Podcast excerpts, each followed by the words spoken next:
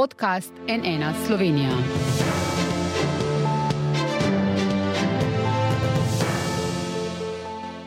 Dobr dan, to je NN studio. Bo uvoz poceni mesa prinesel težke čase za slovenske kmete.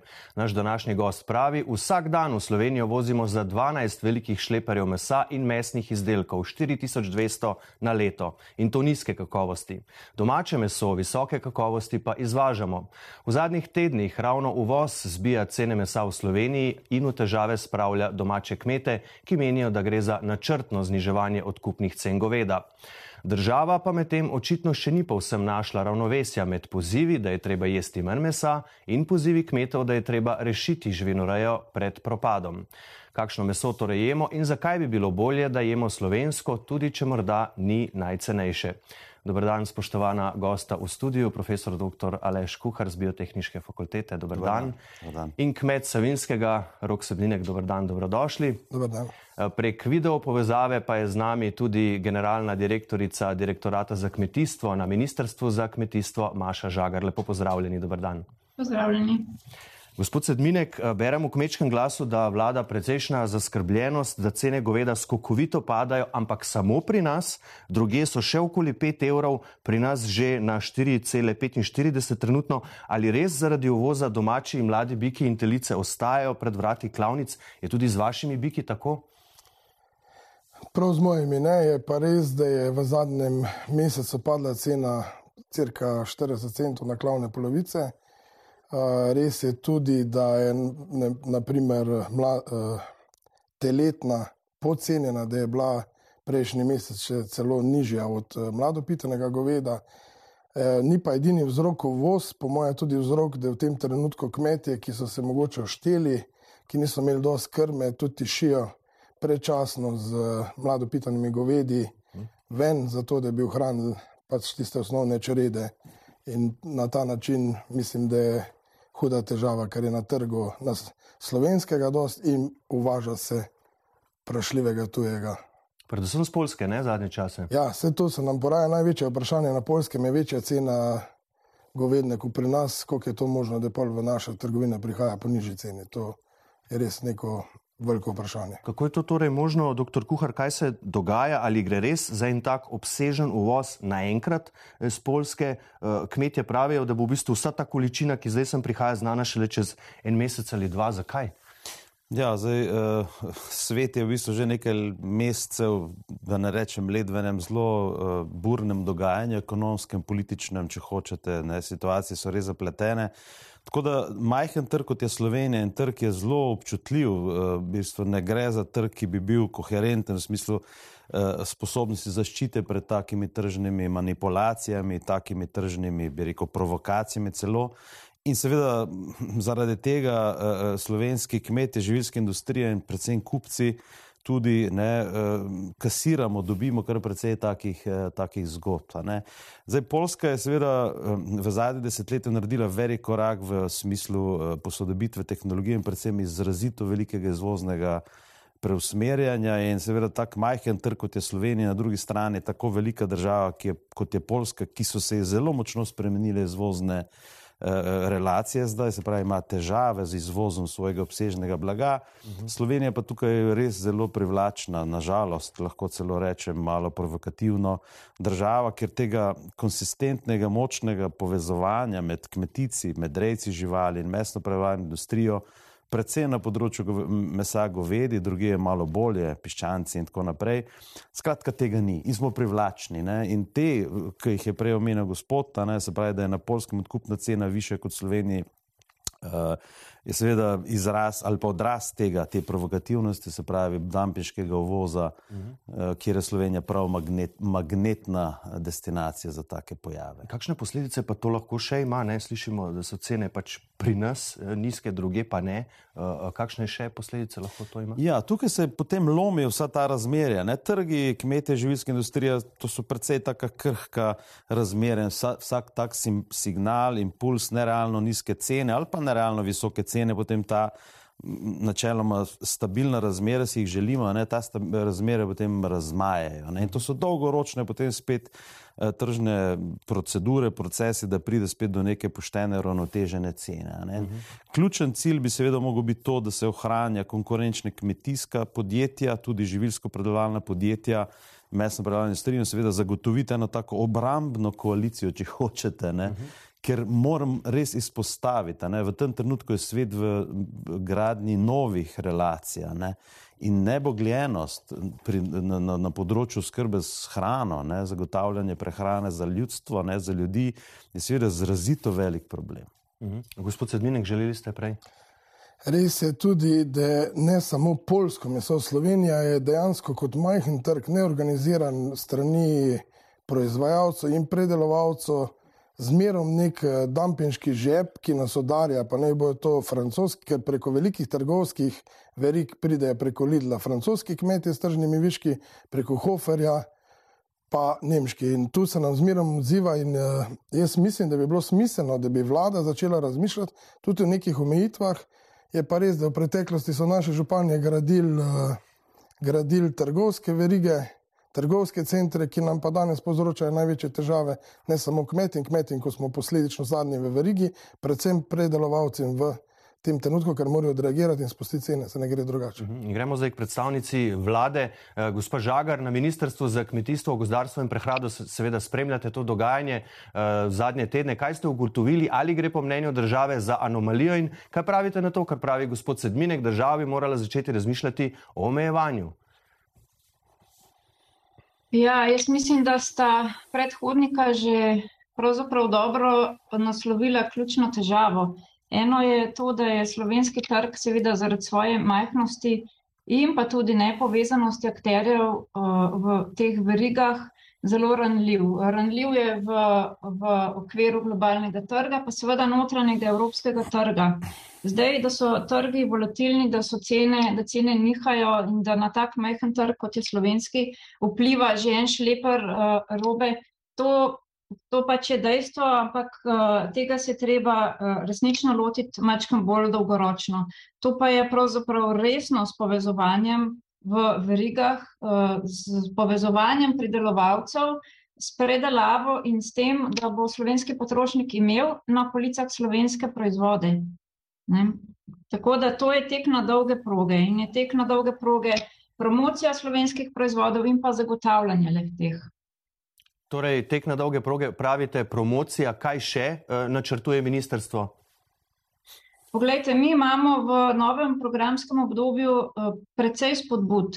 Uh, spodbud tako za konkurenčnost, tako za prilagajanje teh verik oziroma pridelovalcev za, za eno um, ne samo tržno pozicijo, ne, ampak oziroma za višanje konkurenčnosti ali pa ohranjanje konkurenčnosti v sektorjih, ki so že konkurenčni, ampak uh, zato, da se kmetijski sektor uh, bolj usposobi, da je bolj robusten, odporen na različne izzive. Eden en so seveda tržni vidiki, drugo so podnebne spremembe, prilagajanje na podnebne spremembe.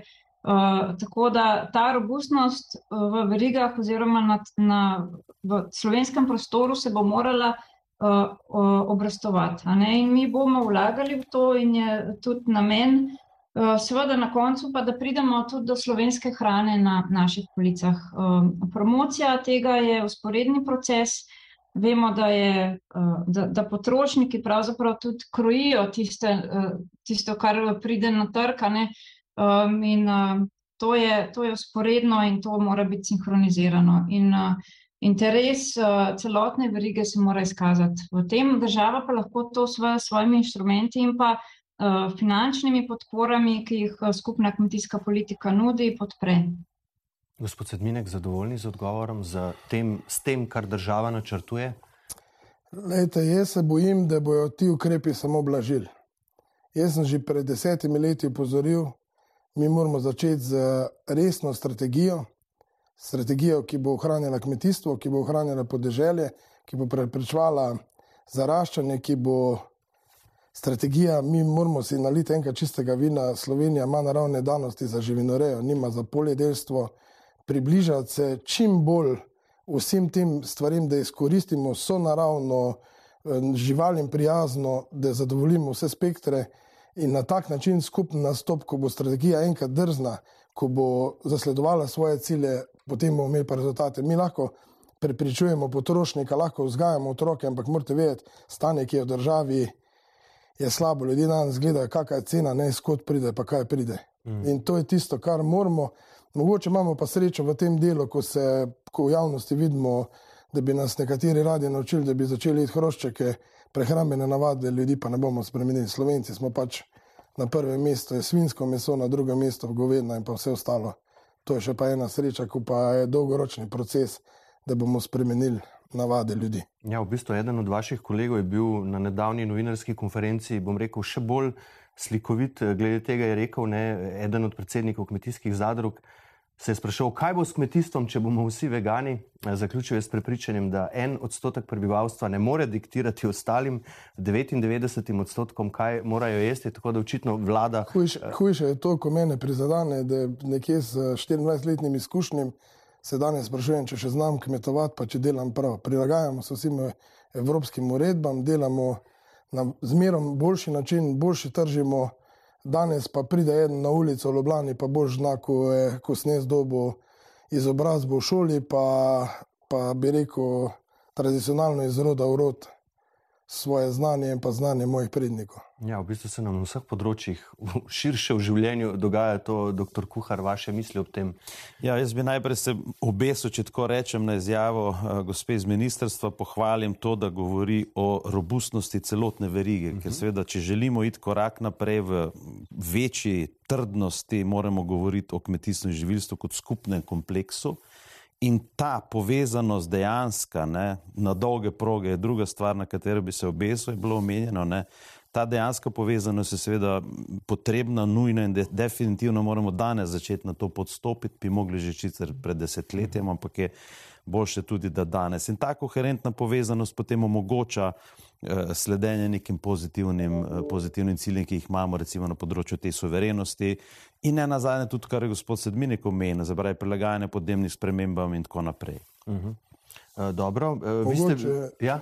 zmotim, mogoče bi še začeli, da bi država, vlada začela razmišljati. Mi smo izgubili paradnega trgovca, da bi z državnimi podjetji ustanovila paradnega trgovca, ker mi dejansko danes imamo same tuje trgovce in trgovec lahko na koncu koncu pripelje uvoženo meso, da po akcijski ceni našega pa istočasno dvigne, pa ne bomo prodali ničesar. -huh. Pa lahko se trudimo mi in predovalna industrija, ko ne bo sprememb na trgovskih policih.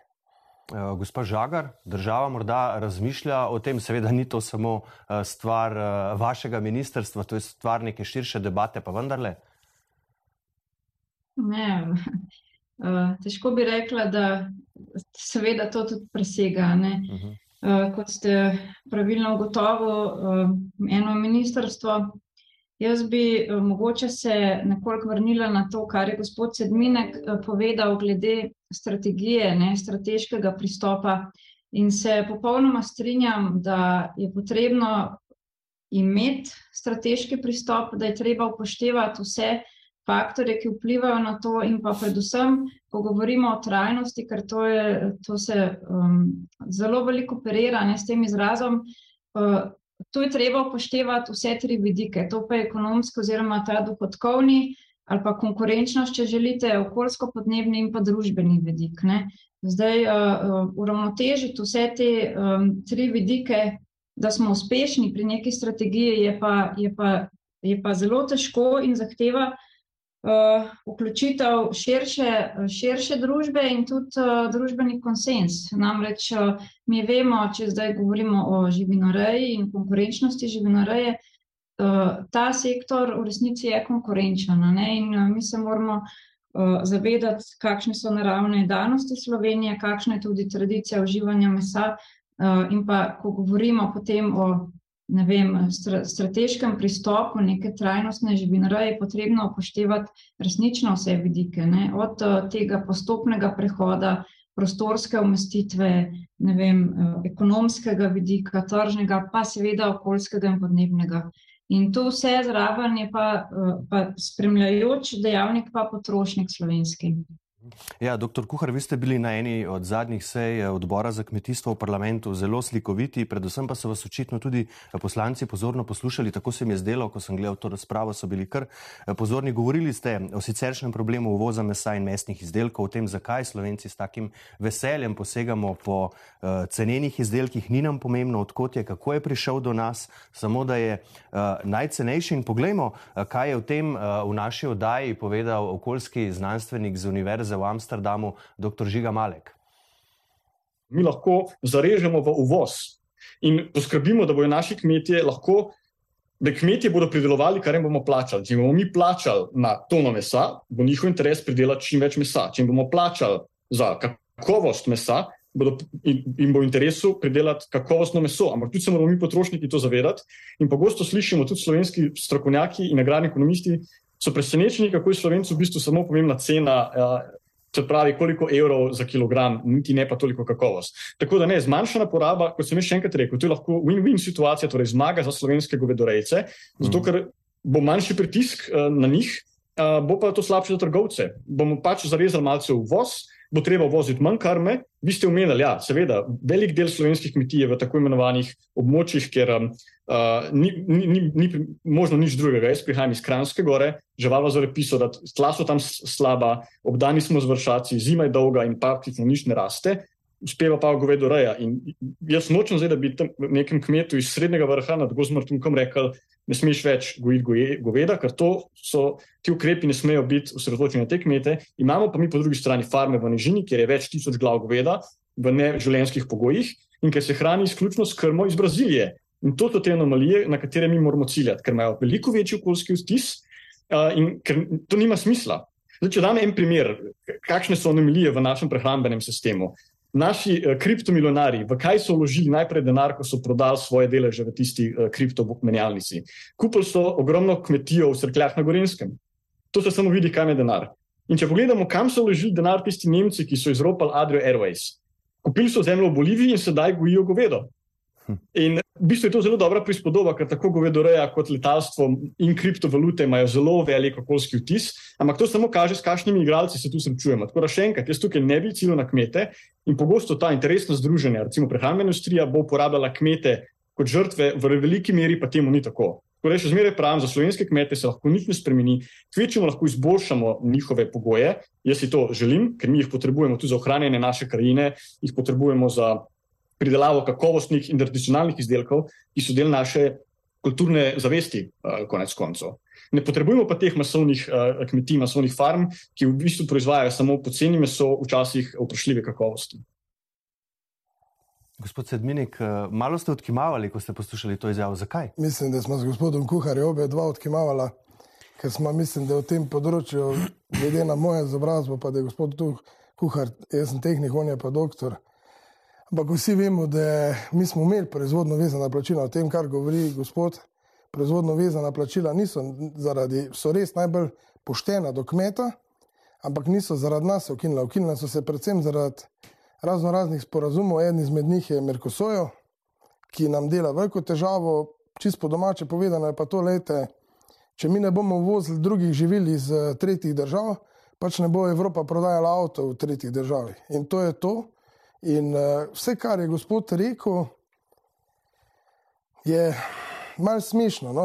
Uh, mi se borimo v Evropi, ko nimamo pregleda, pri nas so zahteve močne, nadstandardne, uvaža se pa brez vseh teh standardov. Ker pač trgovina je tista, ki diktira tempo tudi Evropi na koncu, svetovna trgovina. In tukaj je težava, tukaj bi mogla Evropa na nek način zahtevati za svojega potrošnika enake standarde. Mi smo pred leti bili deležni, da so iz Afrike vozili pomaranče, v Italiji so jih predelali, pa je bilo narejeno, v Evropi pa je bil džus. Uh mhm. -huh. Ampak to ni to. To ni to. Je še pa ena stvar, ki je pa res pomembna. Morate vedeti, da akteri, tako je rekel, evropski delajo težave v tretjih državah in proizvajajo razno razne stvari in jih uvažajo potem v Evropo. Mhm. Vi, e, doktor Kuhar, se strinjate z doktorjem e, Malekom, ki pravi, nekako, če bi pojedli manj mesa, ne bi bilo toliko voza. Je res tako? Ja, ne, to je pre, preprost, preproščina, romantična. Uh, nekaj stvari je bilo tle preveč, bi rekel, tako natresenih ob spoštovanju, seveda, energije in znanja gospoda, ampak verjamem, prepričan se, da premalo pozna slovenske razmere in gleda to čez optiko realne globalne slike, ne, ki je takšna, kot jo on predstavlja, ampak jo napačno projicira na slovenske razmere. Uh -huh. Če bi slovenci, absolutno se strinjamo, da ljudje v tem trenutku na svetu pojemo več, preveč mesa. Tukaj ni nobenega dvoma. Meso kot uh, surovina je uh, iz megafarm, ne, gospod tudi omenja megafarme, v Sloveniji nimamo farm z več tisoč glav živine, razen če štejemo perutninarske, seveda, ampak uh, uh, pot je zelo lokalno specifična. Ne. Se pravi, mi moramo v Sloveniji, na glede na danosti, glede na pogoje, glede na rekel, potencial, ki ga imamo, se izogibati takih generaliziranih na svetu, ki prihajajo seveda iz, ne, in so naslovljene na globalne izzive. V Sloveniji moramo sami najti svojo pot, če hočete. Uh -huh. Um, uvoz zmanjševati z zmanjševanjem zauživanja mesa. Uh, v Slovenijo prihaja predvsem ceneno meso, ne, se pravi meso, ki je pri slovencu preferirano. Če se bo zmanjševalo, vprašanje, kdo bo to zmanjševal, katere kategorije se bodo zmanjšale. Običajno zmanjšujejo uh, zauživanje mesa predvsem bolje situirani ljudje, ki. Ne, skratka, Tukaj je, je veliko enih eh, poenostavitev in romantičnih pogledov čez globalna očala. Ne. Tako da jaz na nek način se strinjam s tem, globalna slika je podobna, kot je gospod opisuje, nobenega dvoma ni. Projicirati pa to, bi rekel, energijo, ta način reševanja na slovensko realnost je pa napačno, narobe in je škoda, ker je seveda pa potrebno začeti reformirati. Globalni prehranski sistemi se bodo morali transformirati v smeri trajnostnih oskrbnih verig. V Sloveniji smo daleč tem, eh, na, tem, eh, rekel, na tej poti, ne, eh, prakse. Sicer vedno še lahko izboljšujemo, so pa pri nas kmetije majhne, če bomo hoteli trojno trajnost doseči, se pravi tudi ekonomsko trajnost, ki bo potem posledično zagotavljala obdelanost krajine in tako naprej, je pa potrebno celo nasprotno, mi moramo povečevati kmetije, če želimo, da, da bodo konkurenčne, da bodo vse te mhm. pritiske in zahteve dosegali. Tako da ta lokalna specifičnost, če zaključim tak uh, pač komentar, je zelo, zelo presneto pomembna in zavira pri takih natresa, otresanjih, natresanjih, seveda pogosto naredimo zelo velike napake in, in škodo v bistvu potrebni razpravi. Mm. Razprava na tem področju je potrebna. A so vas, gospod Sedminek, zmotili pozivi premija Goloba, da je treba jesti manj mesa? Lejte, kot je že gospod Kuhar povedal, pa verjetno se tudi na komu pozna v Sloveniji, da je meso, lejte, na koncu koncev meso je včasih, predvsem perutnina, cenejko zelenjava. In tako je bilo rečeno, jaz sem že pred desetimi leti pozival, hrana bo neke vrste modna muha, prestiž, eh, kvaliteta se bo dvigovala. Ampak to, kar govorimo pa v globalnem, ne, mi kljub temu, da imamo najmanjši vtis, da imamo lokalno, nikjer pa ne prodremo kot kmetje tudi, ali pa kot eh, zadruge, da bi, na, da bi prodajali vem, v domove za ostarele, v šole. Se pravi, tukaj zmerom pride neke cenejše stvari, cena vpliva na te stvari. Uh mhm. -huh. In tole, tudi ko je bilo rečeno, da so kriptomilionari kupili posest niso kupili zaradi tega, da bojo kmetovali, oni ohranjajo tam kmetovanje, zaradi tega, ker so po mojem na ta način zavarovali svoj denar, ker je zemlja tudi poleg zlata neka varnost na dolgi rok. In uh, se ne morem strinjati in me res, se pa strinjam. Uh, definitivno uh, pestrost hrane, zelenjave, pa tudi na koncu koncev meso ima svoj pomen. Ampak še nekaj je že bilo večkrat iz naših strani povedano mi smo lahko zelo veseli, ker tako raznolikost, ko imamo mi različnih produktov, od zelenjave, sadja, mesa, vseh stvari, nekateri na tem svetu nimajo. In, mnogi, mnogi. mnogi ne, in nimajo, ne. kvaliteta, mislim, naša, da je večja. Bi se pa mogli vprašati, ne, to pa ni bilo omenjeno. Ne, da ga samo vozimo, mi najboljše meso tudi izvažamo. To je pa čist cena, ker je pa v tem trenutku naša predelovalna industrija ni konkurenčna in prodajajo nas ven ni konkurenčna zaradi trgovine, prodamo kvaliteto, pa še ena stvar je, mi imamo izbrano kakovost, mi imamo smernice, moramo še pa podariti nekaj na masnih bilancih, da se pa špekulanti ne bojo mogli zakrivati zadeve, bomo točno vedeli, ker pol se bo pa vedeli, če je 100 kil, je 100 kil, ne pa da je 100 kil, 400 kil rata. Uh mhm. -huh. Gospa Žagar, ali država načrtuje kakršne koli ukrepe in katere, da bi nekako ljudi pripravila, prepričala, da kupujejo vendarle slovensko meso, da morda tudi če stane kakšen evro ali dva več, da tisti, vsaj ki si to lahko privoščijo, dejansko kupujejo slovensko, da jim država pojasni, zakaj je to tako pomembno. Ja, to sem že, uh, sem že omenila, ne, uh, program promocije. Mi imamo zakon o promociji, ki spodbuja ravno to.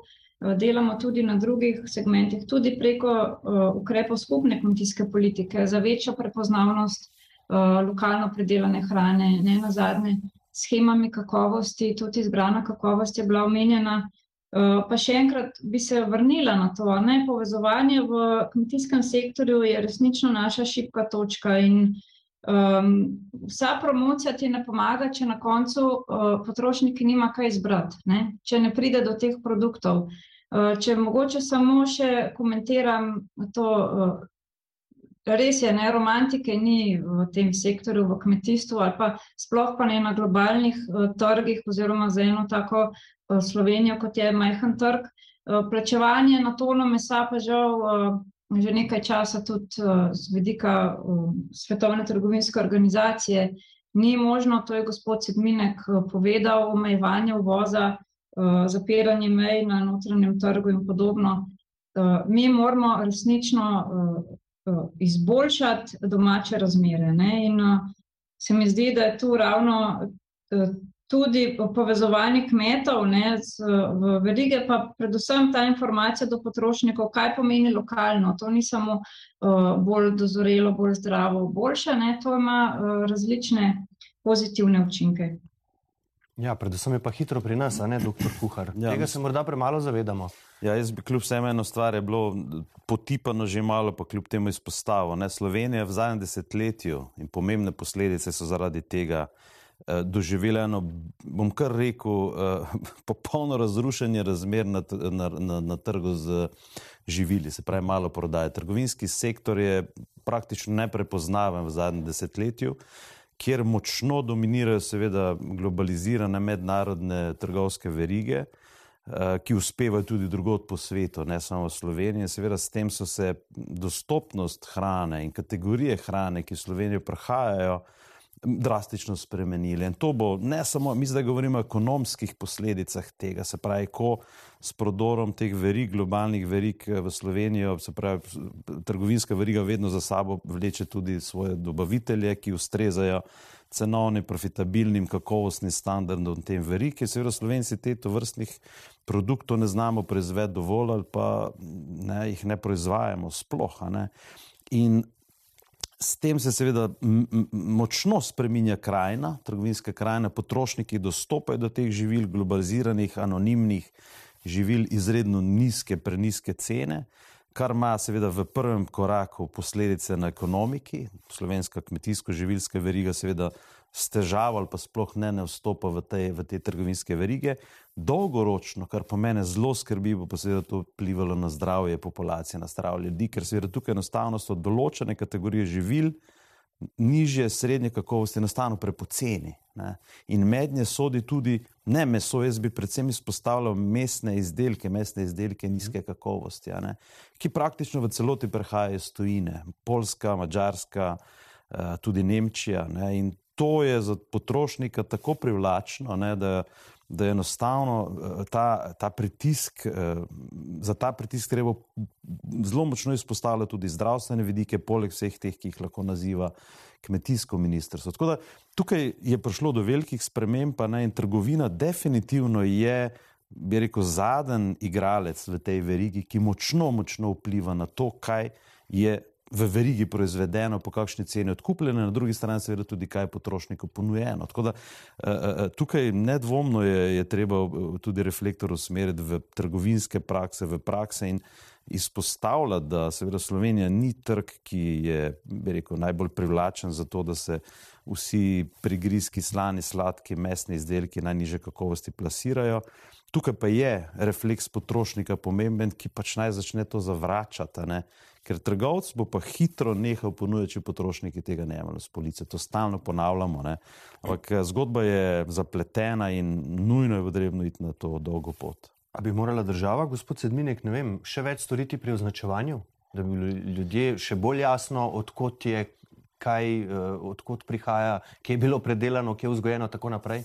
Se masne bilance prinašajo to. Mi smo imeli leta 2008, ko sem jaz v marketu vzel govej kot let, pa sem videl, da je od mojega soseda, pa je vse bilo navedeno gor. To se je pol s časom vse umaknilo, umaknilo se je pa po mojem mnenju samo zato, da se lahko špekulira. Ker to smo že imeli. Slovenija je to leta 2008 ali 2010, to bo gospod Kuhar bolj točno vedel, smo imeli.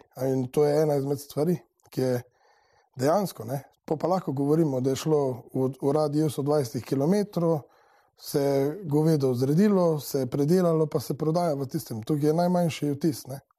Mhm. Ja, tukaj je neizmerno treba izpostaviti, pravi, nedvomno treba izpostaviti, da nekatere trgovinske verige močno zavračajo uh, označevanje porekla. In je prav, se pravi, model, kako je možno uh, prodajati izdelke, kjer ni napisano, kdo je proizvajalec, pa je napisano, za koga je proizveden. Uh mhm. -huh. Tukaj je ta transparentnost, sicer pri mesu, mesnih izdelkih to ne velja, ampak pri ostalih kategorijah živil, kar pomeni, da trgovina ima intenco potem, nekatere kategorije trgovine ali pa nekatere verige imajo intenco k temu, da zmanjšuje transparentnost in s tem ne, dejansko izkoriščajo to, ker današnji potrošnik komu najbolj zaupa potrošnik v verigi župnik, če hočete, tisti, ki mu najbolj zaupa, je trgovec. Ljudje smo blazni na trgovce zaradi ekstremne eh, komunikacijske in marketinške investicije, ki jo trgovina vlaga v, v oglaševanje svoje, bi rekel, božanskosti, če se malo pohecamo, ampak zadeva zelo resna. Ljudje smo zgubili zaradi intenzivnosti komuniciranja, oglaševanja, stik, kdo je tisti, ki hrano pridela, kdo je tisti, ki jo predela. Ne? Eh, poglejmo malo reklamne bloke, ne, kakšne neumnosti trobijo eh, oglasna sporočila trgovskih verik nekaterih. Mm -hmm. Tu bi jaz potem kar zaključil z gospod Žagar, vaša bo zadnja, ali torej država načrtuje kakšne ukrepe v tej smeri, o čemer smo se ravno kar pogovarjali z gostoma v studiu. Tako tudi uh, masne bilance v tem kontekstu so zelo pomembne, na tem se prav tako dela. Jaz mislim, da je potrebno to transparentno uh, informacijo, o kateri je govoril dr. Kuhar, v resnici pripeljati do potrošnikov, uh, je pa seveda uh, ni pa enostavno, ravno zaradi okolja, ki ga je prav tako ravno kar opisal. Uh, tukaj so različni prijemi, zdaj lahko samo to povem, uh, naše meritve oziroma raziskave, ki se spremlja, uh, tudi promocijske aktivnosti, kažejo na to, da so potrošniki občutljivi oziroma da pozitivno jemljajo tudi te uh, promocijske aktivnosti, ne vem, za izbrano kakovost, za lokalno, uh, lokalno in tako naprej. Tako da uh, s tem bomo nadaljevali, nadaljevali bomo prav tako z masnimi bilancami, se strinjam, transparentnost označevanja porekla je ključna informacija za potrošnika in Bi pa, bi pa še enkrat ne, dala poudarek na povezovanju, na verigah in na tem, da je treba podpore eh, v prihodnem obdobju res eh, smiselno, smiselno usmeriti v en, v en strateški razvoj sektorja oziroma za, z enim širšim pogledom in eh, za to, da bomo v Sloveniji na koncu imeli več slovenske hrane. In tu bomo naredili piko, bomo seveda spremljali vse ukrepe, ki jih bo država izvajala v tej smeri in seveda tudi njihovo učinkovitost. Gospa Žagar, najlepša hvala in lepo zdrav na ministrstvo. Hvala lepa, nasvidenje. Hvala pa tudi spoštovana gostja, gosta v studiu, gospod Sedminek, dr. Kuhar. Najlepša hvala, da ste prišla na NN. Hvala za povabilo. Hvala za povabilo. Hvala pa tudi vam za vašo pozornost. Seveda vse zadnje informacije v zvezi s tem, kaj jemo, koliko stane in kako kakovostno je, sproti objavljamo tudi na naši spletni strani nnainfo.si. Iz studija pa le še lepo zdrav in nasvidenje.